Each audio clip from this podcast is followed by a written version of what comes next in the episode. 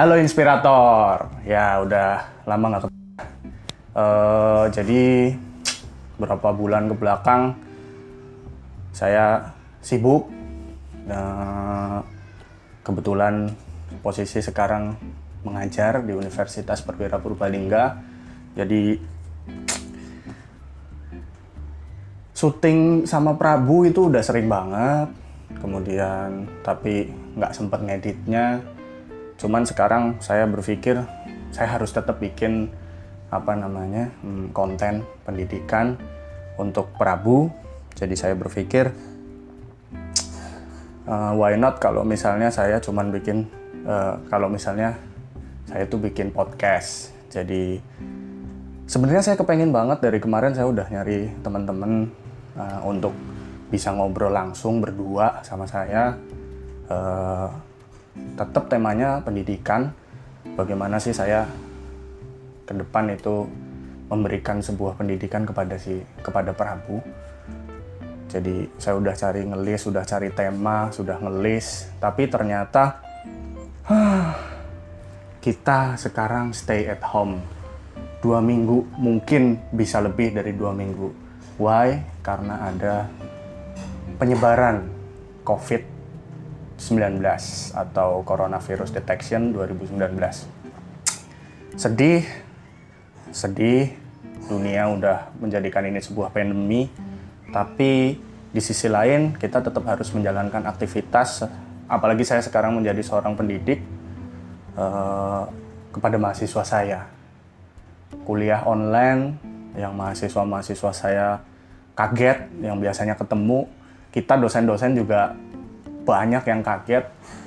Alhamdulillah tanpa tidak sengaja sebelum adanya COVID ini, saya sudah melakukan trial untuk pembelajaran jarak jauh dan sukses. Jadi pada saat ternyata kok ada COVID, ya saya tinggal mengulang cara saya sebelumnya. Uh, tapi tetap mahasiswa-mahasiswa pasti rindu dengan kuliah tatap muka. Kita pun rindu melihat hmm, muka-muka mahasiswa yang cantik, ganteng, terus apa namanya muka-muka ceria yang kalau ketemu di kampus uh, apa namanya ketemu sama gebetannya uh, itu kita sebagai dosen tuh rindu ngelihat mahasiswa-mahasiswa yang oh itu lagi suka-sukaan, oh itu lagi deket nih, wah itu menyenangkan bagi kita, hiburan bagi kita, bahwasanya kita bisa memberikan uh, satu adalah tempat belajar yang nyaman buat mereka. Bahkan mereka bisa ketemu dengan oh insya Allah jodohnya 4-5 tahun ke depan menjadi jodoh beneran ya mudah-mudahan. Uh, dan juga kita juga lucu kalau misalnya ngeliat status-status mahasiswa yang kita save nomornya uh, apa namanya bucin-bucinan kalau orang sekarang bilang. Kita rindu kita rindu banget. Tapi ya dengan adanya ini kita sementara kita jaga jarak dulu demi kebaikan bersama. Nggak hanya kebaikan saya, tapi juga kebaikan teman-teman mahasiswa. Kuliah online ini juga sebenarnya banyak keluhan. Banyak di luar sana yang bilang, eh, harus kuliah kok malah jadi banyak penugasan. Nanti kita akan bahas itu ke depan uh, tentang sebenarnya kuliah online itu penugasan atau kuliah online atau kuliah tatap muka yang diganti daring online atau memang harus ditumpuk banyak tugas nanti kita akan bahas juga ke depan. Uh, tapi untuk saat ini saya yang ingin saya bahas adalah saya itu miris berita di TV itu adalah berita-berita kebanyakan penyebaran atau dampak virus corona di daerah-daerah yang uh, besar ya memang yang terdampaknya besar seperti Jakarta, Surabaya, Bandung, Jogja, Solo mungkin. Uh, tapi seperti di daerah kami ini di Purwokerto, Purbalingga, Banyumas dan sekitarnya uh, itu masih uh, itu masih belum apa namanya hmm, sorry tadi HP-nya bunyi uh, masih belum banyak edukasi terhadap masyarakat. ya memang para bupati kami setiap hari update melalui media sosial mereka, tetapi banyak juga masyarakat yang tidak mengakses media sosial. Uh, memang di desa saya juga saya baru dengar uh, selama saya satu hampir satu minggu di rumah ini uh, sosialisasi dengan mobil pemerintah desa saya baru dengar satu kali baru satu kali yang untuk uh, mengedukasi bahwasanya masyarakat untuk tetap di rumah jaga kesehatan cuci tangan dan lain-lain jangan ber, jangan menyentuh muka itu baru satu kali saya dengar uh, update lain tentang perkembangan bagaimana sih virus corona di Banyumas atau di Purbalingga itu saya belum pernah dengar uh, di daerah ini. Minim sekali informasi. Bahkan kita juga tidak tahu daerah kami ini golongannya hijau, kuning, atau merah kalau kita nggak akses media. Itu yang membuat saya miris. Yang membuat saya uh, lebih peduli lagi dengan adanya virus corona ini adalah pada saat teman saya, hmm, teman ibu ibunya teman Prabu di sekolah, seorang dokter di rumah sakit di Purbalingga. Beliau update status bahwasanya, please uh, teman-teman ini bukan masalah yang remeh, ini masalah serius. Kalian stay at home, biar kami kami sudah cukup capek menangani kasus-kasus di rumah sakit. Nah, hal itu yang membuat saya memicu loh. Apa betul nih rumah sakit-rumah sakit di daerah itu memang juga menangani kasus ini juga dengan sibuk. Itu yang membuat saya penasaran. Maka dari itu kita langsung telepon mungkin karena kita nggak bisa ketemu, kita social distancing uh, dan beliau juga petugas uh, tenaga medis, dokter di rumah sakit. Beliau uh, juga sibuk menangani kasusnya. Kalau di status di WA, uh, Instagram dan WA-nya bahkan saya sempat uh, re, re, regram di story saya. Di story saya uh, saya sempat posting status beliau saya capture saya screen capture tentang stay at home. Ini masalah serius. Ah seserius apa itu? Terus bagaimana sih kita di daerah harus me, me apa namanya menanggapinya? Kita telepon ya. Ini adalah dokter hmm, dokter Dini. Kita telepon dokter Dini.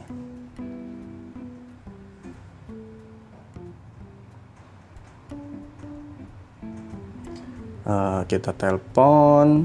Oke. okay. Mudah-mudahan diangkat tadi udah janjian sih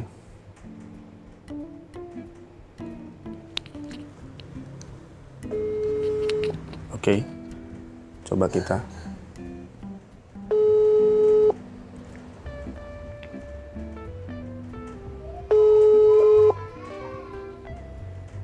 hmm belum diangkat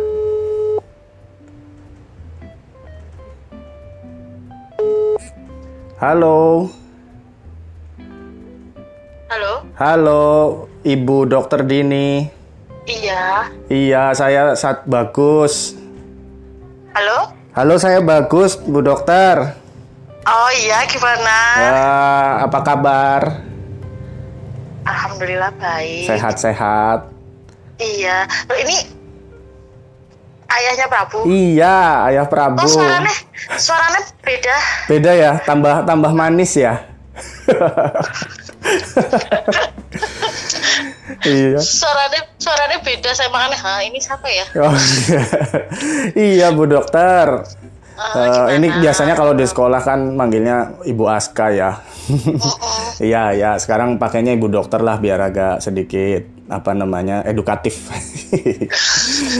ya gini Bu Dokter, saya kan kepengen ngasih info nih. Ternyata uh, teman-teman saya di daerah itu masih banyak yang belum sadar bahwasanya penyebaran COVID-19 ini atau coronavirus ini tuh serius seperti yang uh -uh. saya pernah apa namanya uh, capture tuh sampai screen capture statusnya ibu uh ibu dokter bahwasanya uh ini serius kita benar-benar menangani kasus ini di daerah itu serius jadi kalian stay yeah. at home begitu nah itu tuh yeah, gimana betul. sih itu gimana yeah. kalau dari pandangannya bu dokter Iya, karena kan sekarang uh, kalau ceritanya ini kan ya sebenarnya Indonesia itu kan terlambat ya, bukan terlambat sih. Hmm. Kayak Cina, kayak Singapura kan udah dari kemarin nih. Kita Ya. nih baru nih ya, baru-baru sekarang gitu. Nah, ternyata kalau dulu yang di Cina, di eh, Singapura, di Mm-mm. Italia itu kan transmisinya masih yang transmisi atau penularannya tuh yang benar-benar secara ilmiah itu bisa per droplet atau percikan. Mm-mm. Ternyata sekarang sudah muncul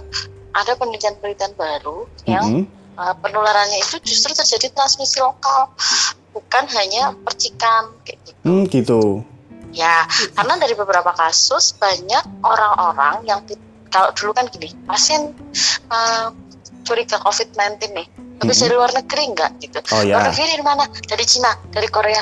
Oh ya, Oke. oh ya berarti ini kita curiga. Ternyata sekarang banyak orang-orang yang uh, tidak pernah ke luar negeri sama Betul. sekali. Pertama, terus kemudian tanpa gejala, Ha-ha. tanpa gejala itu orang-orang sehat gitu loh. Mm-mm. Terus kemudian dia cuma datang ke ke lokasi atau ke daerah yang sini udah mulai ada nih yang positif terus tiba-tiba Mm-mm. dia uh, karena kesadaran saya baru dari daerah endemis nih saya periksa saya di karantina mandiri 14 hari terus Mm-mm. kemudian saya di swab hasilnya positif nah itu itu yang membuat ini semakin menakutkan gitu Oke. ternyata orang yang yang terinfeksi atau yang kena COVID-19 tuh nggak nggak harus sesek nggak harus Ya, batuk, ya, ya, betul. nggak harus demam gitu loh Mm-mm. artinya kan kita nggak pernah tahu nih saya Ya. ketemu anda nih ya sehat kita Ha-ha, biasa ketemu wah gitu ya saya sehat anda sehat saya nggak tahu ternyata saya karier pembawa itu yang kenapa pemerintah kita tujuannya adalah eh, karantina diri atau Betul. bahasa kerennya kan eh, social distancing atau Mm-mm. lockdown lokal gitu ya itu tujuannya mm-mm, begitu selain itu juga biar eh, kalau misalkan ternyata saya positif terus kemudian Ya. saya ketemu dengan anda terus kita sama-sama mengkarantina diri saya nggak Mm-mm. tahu kalau saya sakit gitu ya kalau Mm-mm. saya ketemu atau kenal dengan anda saya bakal gampang dilacak oh Ya. si A ketemu B yang kontak berarti harus diperiksa adalah A B C D gitu Ya, misalnya betul. tapi orang yang seliweran di jalan kan kita nggak kenal Betul. ya kan Betul. lagi nunggu naik bis nunggu sama-sama di halte gitu kita nggak kenal itu orang Mm-mm, siapa mm-mm, mm-mm. Nah, kalau misalkan kita 14 hari, setelah itu kita sadar 14 hari kita karantina diri, harapannya orang yang tadinya nggak saling kenal itu, kalau dia ada gejala tuh dia nggak nular ke mana-mana gitu loh. Ya, betul. Jadi rantainya itu harapannya bisa diputus. Terputus Gitu. ya. Ya, di sisi lain juga sebenarnya itu gampang, murah asal kita mau. Mm-mm, Itu membantu teman-teman kesehatan juga. mm-mm. Kayak saya nih, kayak saya dokter dengan ibu ya, ibu Iya. dengan dua orang anak. Saya tuh pengen banget social distancing. Saya Betul. berdiam diri di rumah Mm-mm. diri, tapi apa daya kan, saya nggak bisa. Saya harus Iya. bekerja, saya harus eh, tetap melaksanakan tugas sesuai apa yang dilaksanakan. Untuk Mm-mm. teman-teman yang memang sudah diberi dispensasi untuk work from home atau bekerja dari rumah, ayolah bekerja dari rumah, bekerja dari rumah.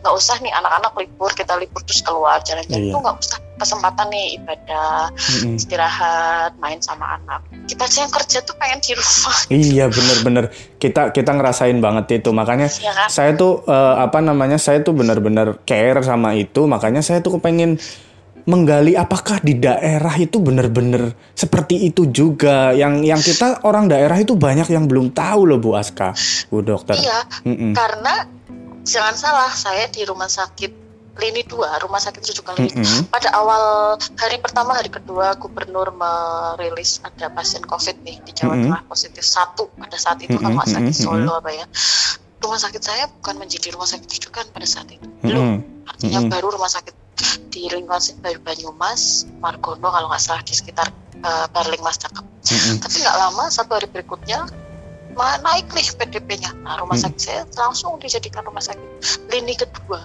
Mm-mm. artinya lini kedua itu kita tuh harus siap untuk merawat padahal sarana prasarana kami itu belum siap tapi dengan waktu yang begitu cepat kita dituntut harus siap APD jadi Betul. mohon teman-teman yang uh, memang sudah dihimbau untuk di rumah ya ya udah di rumah aja dengan begitu tuh kalian membantu kita karena Iya. suatu hari nanti wabah ini tuh akan meledak Betul. wabah ini pasti akan banyak Nah, ketika ini menjadi banyak, tempat tidur tempat tidur yang di rumah sakit ini itu tersedia untuk mereka-mereka yang benar-benar sakit. Iya betul. Nah, jadi ketika yang sakit kita rawat nih segera Mm-mm. mungkin kita sembuhkan gantian kalau ada yang sakit lagi. Jadi, Iya. jadi kita nggak akan kepenuhan traffic pasien di rumah sakit itu kita nggak akan kepenuhan dan Ya, juga ya. apa, teman-teman yang merawat itu kan depresi ya terus Betul, betul, betul, betul, kerja betul. itu penuh dengan tekanan bayangin dong saya ibu dua anak balita di rumah saya harus Iya. berangkat kerja pas pas pulang nih ya terus sudah berusaha untuk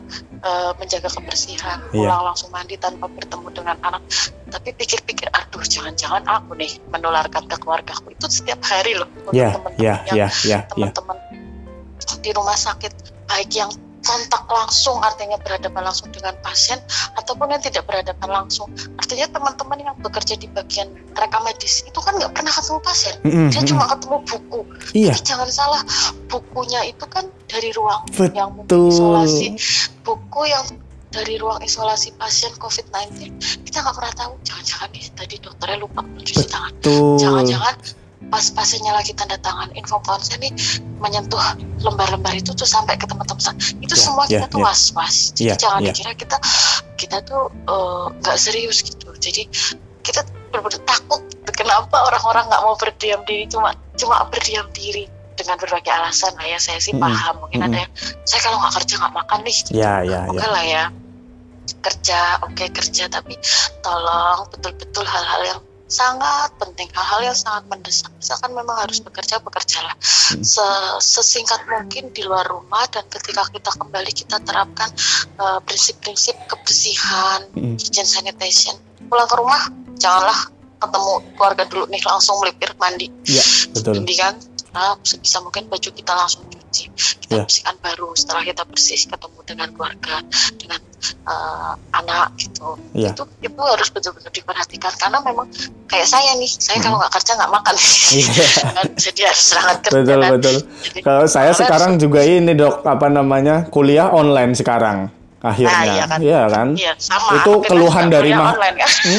Kuliah kel- keluhan dari Ya, mahasiswa itu banyak banget padahal mereka nah ini yang saya kepengen kasih tahu ke mahasiswa ini loh kondisinya begini mereka hanya aduh kenapa sih kok nggak tatap muka aja ini kan kalau tap ya, iya banyak apa namanya ya. banyak tugas Keluh- seperti itu Oh, oh. ya keluhan ya. kita sebagai orang tua juga gitu ya pak Iya betul. Kita di rumah begitu ngasih kuliah online juga kita ngajarin anak di sekarang jadinya Iya, di rumah. bener. Iya. Sama kan Nah, bener kita juga repot sebenarnya pas awal. Tapi kan ya ya itu ya emang harus dilalui Iya. daripada nih nanti semakin jatuh korban banyak. Betul ini betul APD betul. aja udah susah loh kita lo APD Ini nih yang saya penasaran ini dok, apa namanya? Kemarin saya sempat apa namanya eh, dengerin podcastnya Deddy Kobusir sama Pak eh, Jubir dari Kemenkes mengenai tentang virus ini tuh kemungkinan airborne. Maksudnya apa sih airborne itu? Nah itu tadi yang saya bilang. Dulu dia dulu dia uh, by droplets ya by droplets atau percikan penularan. Terus kayak kontak riwayat keluar negeri itu jadi gampang di screening kan oh orang yang keluar negeri tok nih. Tadi Mhm. orang yang di lokal nggak kemungkinan kecil nih kena. Ternyata Mhm. nggak. Nih sekarang bermutasi virusnya bermutasi ya kan? Mm-mm. sekarang orang-orang udah ada penularan transmisi lokal. Nah itu ada penelitian baru yang menyebutkan juga penularannya airborne atau bisa menularkan lewat udara jadi Nah, bahasa bahasa awam itu gini kalau kita batuk nih batuk orang dengan Ya. COVID-19 positif batuk itu virusnya itu bisa melayang-layang gitu loh di Oke. udara kurang lebih selama tiga jam wow. artinya ya artinya misalnya saya batuk nih di satu tempat Ya. A gitu ya terus lanjutkan lewat tempat yang tadi saya lewati paling kita nggak bertatap muka itu masih ada kemungkinan kita ketular Tiga jam. Luar biasa. Berarti kita sama sekali nggak ngerti orang siapa yang di situ Nah, pun bisa kena ya. kan? Ya, uh, uh, makanya Wah. itu tujuannya tujuannya untuk di rumah saja itu ya salah satunya juga itu. Ternyata ini kumannya semakin berkembang, semakin bermutasi. Ya nggak ngerti ya, memang mungkin lagi. Ya, ya, ya, ya. Itu itu Allah alam lah ya. Eh, ida ciptaannya yang punya hidup lah. Kita memang Iya. lagi disuruh, memang lagi disuruh eh, di rumah untuk tobat kali ya. Sudah banyak dosa di luar rumah. Kita- Kalau keluar banyak gibah gitu ya. Nah, bener. Kita harus menurunkan ritme hidup ya setiap Iya, hari. iya, Enak betul. nih kayak saya nih. Biasanya saya pagi lari-lari kan ngejar vinjir gara-gara COVID-19 saya nggak lari-lari. Jadi Iya. saya menurunkan ritme hidup saya. Tapi kan tetap walaupun nggak lari-lari gimana stresnya tenaga medis Ya, kita ya, ngerti sekali dok. Iya ngerti sekali ya. Terus ini terus juga saya di pas itu Pak Kem, uh, Jubir Kemenkes juga bilang bahwasanya penularan satu orang itu satu banding 4,7 ya Ya benar. per hari. ya Ya, berarti betul-betul manfaat manfaat kita di rumah itu luar biasa luar kan? biasa Iya. Uh, nah buktinya di berita aja dari juru bicara ini kan Mm-mm. menyebutkan kan dalam satu hari ada peningkatan kasus sekian persen Ya, betul. dan Indonesia termasuk persentase tertinggi angka kematian dengan Betul. jumlah kasusnya itu besar 389 dan 32 kematian ya. ya hampir 10 persen Ya. padahal di negara lain seperti Italia aja yang kasusnya 1000 atau 2000 lebih itu nggak sampai 10 persen Ya, betul betul. untuk kasus kematiannya kita perbandingan persentasenya tinggi artinya kan Indonesia kan Masyarakat kita belum ya. sadar ya, Bu. ah itu dan salah Itu. pengertian ya salah pengertian nih yang kita kasus yang di daerah nih ya salah Ya. pengertiannya adalah orang-orang yang pada di daerah endemis Depok Bogor Jakarta terus yang saya nih ya mereka bekerja sebagai ART mereka dari perifer dari desa Ya. dari sini nih Kabupaten Purbalingga Ya, Banyumas ya, kerja ya. di sana libur kan sama majikannya di libur mereka pulanglah ke sini nah itu juga Membawa. salah Ah, itu salah salah nih Iya, ya. jadi di sini betul. kan mereka berkembang berkembang Terus itu juga ketemu saudaranya, Nah. saudaranya di sana kerja di pabrik. Hmm, pabrik berapa ribu? Wah, berapa orang. ribu orang di sana. Dan airborne 3 jam. Itu luar biasa. Aduh. Ya ya, kalau dipikir itu wah ngeri sekali ya. Hmm, Ngeri makanya sekali. Udahlah, kalau ada baiknya, memang pemerintah tuh pasti udah bikin kebijakan, sudah dipikirkan Betul. soal masalah sholat berjamaah, masalah Ya. apa, itu pasti sudah ada ahlinya. gitu Betul. kan. Saya rasa nih kalau kayak bagi saya nih dengan tingkat pengetahuan yang eh, hal-hal itu mungkin tidak sampai ke sana, Ya, saya ya, lebih baik mengikuti kan pendapat Betul. ulama, pendapat Betul. pimpinan, pendapat tokoh-tokoh agama yang istilahnya levelnya di atas kita kita ikuti. Ya. Ya kalau memang sholat berjamaah bisa diibadah dilakukan di rumah ya di rumah itu kan sudah Betul. ada fatwanya. Ya. Terus kayak misalkan kita harus berdiam diri, ya kita berdiam diri nggak ada salahnya kita jadi sehat kok di rumah bersih bersih rumah ya kan. Alangkah baiknya kita bersih bersih rumah istirahat. Iya iya betul betul betul. Nggak ada salahnya. Ya kalau memang harus bekerja bekerja, tapi Iya. tidak usah mengerjakan hal-hal yang tidak penting Iya dan kalau kita harus keluar rumah untuk sesuatu hal, janganlah kita membawa anak-anak nih. Ya. Anak-anak nih iya iya. orang-orang iya. atau kelompok yang beresiko anak-anak, lansia atau usia lanjut, ibu Mm-mm. hamil itu juga harus dibatasi pergerakannya. Jadi, Mm. Kalau emang kita harus belanja ke pasar, kita nggak mungkin kan nggak makan ya belanja Iya, belanja betul, seperlunya. betul, kita aja betul. cukup kita nih, nggak usah nih bawa anak-anak Iya. sekalian jalan-jalan ke pasar gitu, nggak Iya, usah iya, belanja iya, seperlunya iya, selesai betul. pulang lakukan kebersihan. Gitu aja terus Iya, insya Allah betul. nanti mudah-mudahan Iya, ya kita lah. sama-sama ikhtiar. Ikhtiar bener. It- yang yang Ah, penting kan bener. kita itu ikhtiar ya. Kita nggak ngerti di Oh. luar itu ada apa. Yang jelas kita ini sedang ya Bismillah mudah- mudah-mudahan musibah ini cepat berlalu. Tapi yang Berlalu. jelas sekarang ini apa namanya sedang seperti itu dan ini bukan kasus yang hanya dialami oleh daerah-daerah yang sering diberitakan di televisi gitu ya. Ya, benar. Betul. Nah, itu yang kita di daerah kan sering lihatnya berita Jakarta, Surabaya, Solo, Mikirnya ya. Jogja, eh, Bandung begitu kan. Mikirnya kan hanya Oh. itu, padahal kita di daerah resikonya juga sama begitu sama, kan. sama. Iya. Jadi malah aku jauh kok cuma di desa itu kan di Margono misalnya. Iya. Maksudnya kan di Margono. Saya tinggalnya di eh, daerah Purbalingga sana Rembang gitu misalnya ya. Kan Ha-ha. jauh tuh. Nggak nyampe sini. Jangan salah gitu. Iya, Kita nggak betul. pernah tahu Betul. urutan-urutan yang tadi saya ceritakan itu bisa aja Betul. nyampe ke sana. Jadi Betul, betul bukan sekali. berarti kita jauh dari tempat atau lokasi yang eh, nggak ada terinfeksi itu belum tentu kita nggak terpapar. Iya, iya. Buktinya dari Cina tuh sampai Indonesia loh. Ah, Iya, betul, ya kan? betul, betul, betul, betul, betul. Bukan hanya sampai Indonesia, Amerika juga nyebrang benua Nah, gitu. iya kan makanya, ya makanya kan jadi kan Iya. eh, apa awamnya tuh kan gitu kan. Iya, Jadi, betul, iya. Pokoknya kita semua sedang ikhtiar lah. Bismillahirrahmanirrahim. Bismillah. Mudah-mudahan ini segera berlalu kembali Amin. normal. Amin, Insya Allah sebentar amin. lagi Ramadan ya. Mudah-mudahan Iya, jadi suasananya amin. tidak kondusif lah ya biar Iya, lebih kondusif betul, lagi betul. kita Ramadan terus ya makanya sebelum kita Ramadan kita harus mengencangkan Betul, pinggang betul, betul, betul. sama-sama jadi makanya teman tenaga medis banyak ya bikin bikin foto Iya. bikin status yang kerja itu kita aja Iya. kalian tuh cukup di rumah Iya. sebenarnya hati kita tuh pengen gitu ya di rumah pengen Iya. pengen di rumah tapi nggak bisa kita ada tuntutan yang harus memang kita harus berangkat bekerja. Ya, berarti intinya you stay in rumah sakit for me Yeah. and me Yeah. stay at home for you gitu ya. Iya, sama-sama stay safe at home and stay safe from hospital. Iya betul betul betul. Insya Allah lah. Saya doain semoga dokter Dini dan semua tenaga medis di rumah sakit mana pun di daerah di luar di luar juga di Indonesia mudah-mudahan selalu sehat. Amin. Kemudian Terima kasih. terima kasih sekali sudah. Ini saya mudah-mudahan- mili juga nih dok. Aku setiap pagi setiap pagi kalau berangkat tuh gerentes gitu. Iya iya iya saya tahu sekali. gitu kan. Ah, ah, saya tahu sekali. Saya setelah telepon sama dokter Dini ini saya juga ikut merebus mili nih. bener Gimana saya sih ngerasain. Iya bener-bener. Jadi Dan itu dirasakan sama teman-teman yang lain juga. Iya, ha. Intinya gini sih dok, saya terima kasih sekali dokter Ya, dan semua tenaga infonya. medis semua sudah stay at hospital for me, and Iya. kita insya Allah stay at home for you. Iya.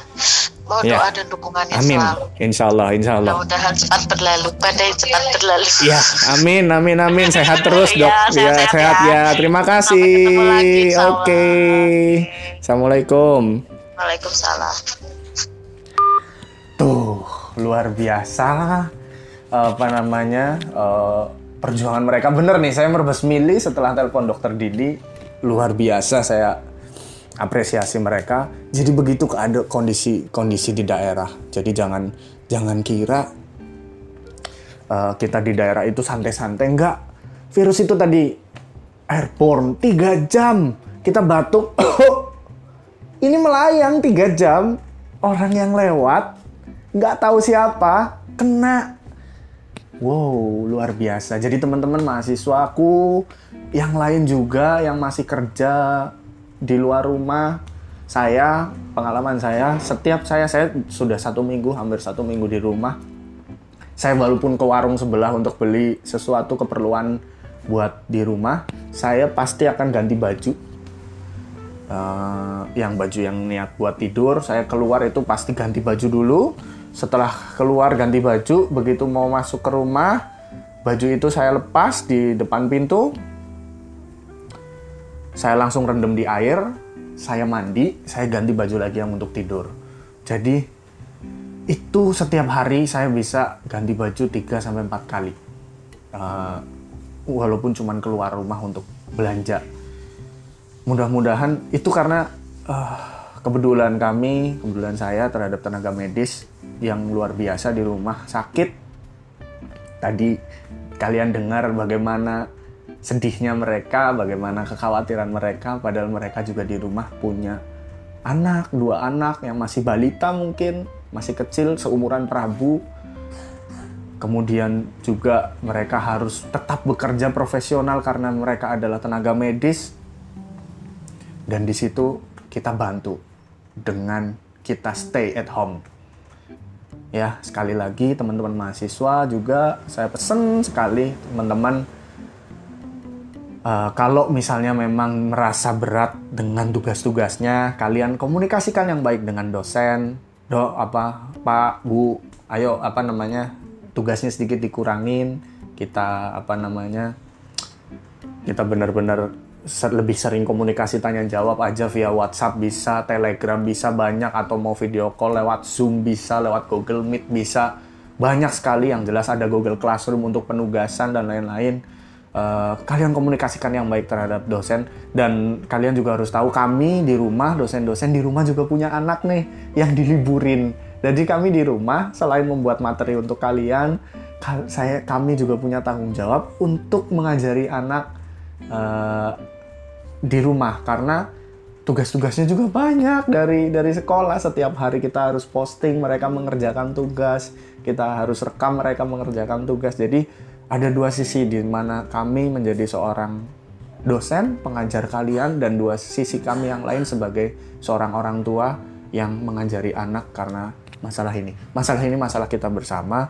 Mudah-mudahan tadi eh, menurut eh, seperti yang dikatakan dokter Dini cepat berlalu. Oke bener eh, saya pesen deh yang di daerah kita tetap kita apa namanya jaga kebersihan kesehatan jangan keluar rumah kalau nggak perlu stay at home oke kita ketemu lagi untuk mungkin kita bisa bahas masalah tentang pendidikan yang lain. Yang ini tadi hmm, pendidikan tentang kesehatan ya, pas banget kita lagi pandemi. Uh, jadi bagaimana sih kita nanti ke depan menerapkan pola hidup sehat? Saya uh, saya uh, selama ini sudah menerapkan itu. Saya setiap bepergian setelah naik motor atau naik mobil, uh, setelah nyetir kendaraan, untuk uh, sampai datang ke kampus saya sebelum saya absen finger saya pasti cuci tangan. Cuci muka. Setelah itu baru saya finger itu selalu saya lakukan setiap hari. Karena apa? Saya ya meyakini tubuh saya ini membawa sesuatu. Tangan saya ini sedang uh, habis megang sesuatu virus yang bisa menularkan ke orang lain. Itu yang saya yakini uh, mungkin itu salah satunya. Dan yang lain makanan. Nah ini saya mulai sadar nih hari ini saya makanan masih oh luar biasa kita apa aja dimakan. Makanan beli di mana aja dimakan dengan adanya seperti ini. Walaupun saya beli makanan di luar sampai rumah uh, saya masak lagi.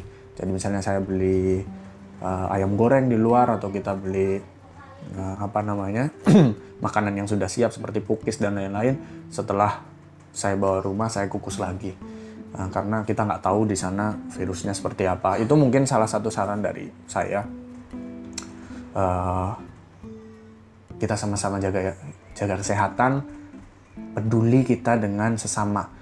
Kita jaga diri bukan hanya untuk kita, tetapi untuk orang lain. Karena kita nggak tahu kita itu benar-benar negatif dari virus atau tidak. Kita benar-benar nggak punya virus yang bisa menularkan atau tidak. Kita nggak ngerti karena kita tetap sehat. Untuk referensi teman-teman kalau misalnya masih uh, ada waktu di rumah daripada di rumah bosen tidur-tiduran doang makan terus habis itu malah kepenginnya keluar rumah uh, lebih baik baca-baca artikel tentang kesehatan tapi saya saran banget uh, dengerin deh podcastnya Dedi Kobusir yang bareng sama jubirnya Kemenkes itu ada dua ada dua seri ada dua upload. Yang pertama bahas masalah uh, bagaimana coronavirus itu bisa tersebar. Yang satu lagi tentang rumah sakit di Indonesia. Dan yang terakhir adalah yang bareng dengan dokter T, dokter Tirta, dokter ngegas itu. Itu kalian harus dengar gimana sih COVID itu bisa menyebar dengan uh, dengan luar biasa ngeri bagi tenaga medis. Nah, kita bantu, kita bantu, kita harus niat itu. Uh, saya sangat saran itu. Jadi stay at home, selamat bekerja di rumah, selamat kuliah di rumah, belajar di rumah, uh, selamat uh, berkumpul bareng keluarga dengan waktu yang lebih uh, intim, dan teman-teman mahasiswa sampai ketemu lagi dengan kondisi yang lebih sehat. Bapak kangen kalian. Oke, okay. salam inspirator.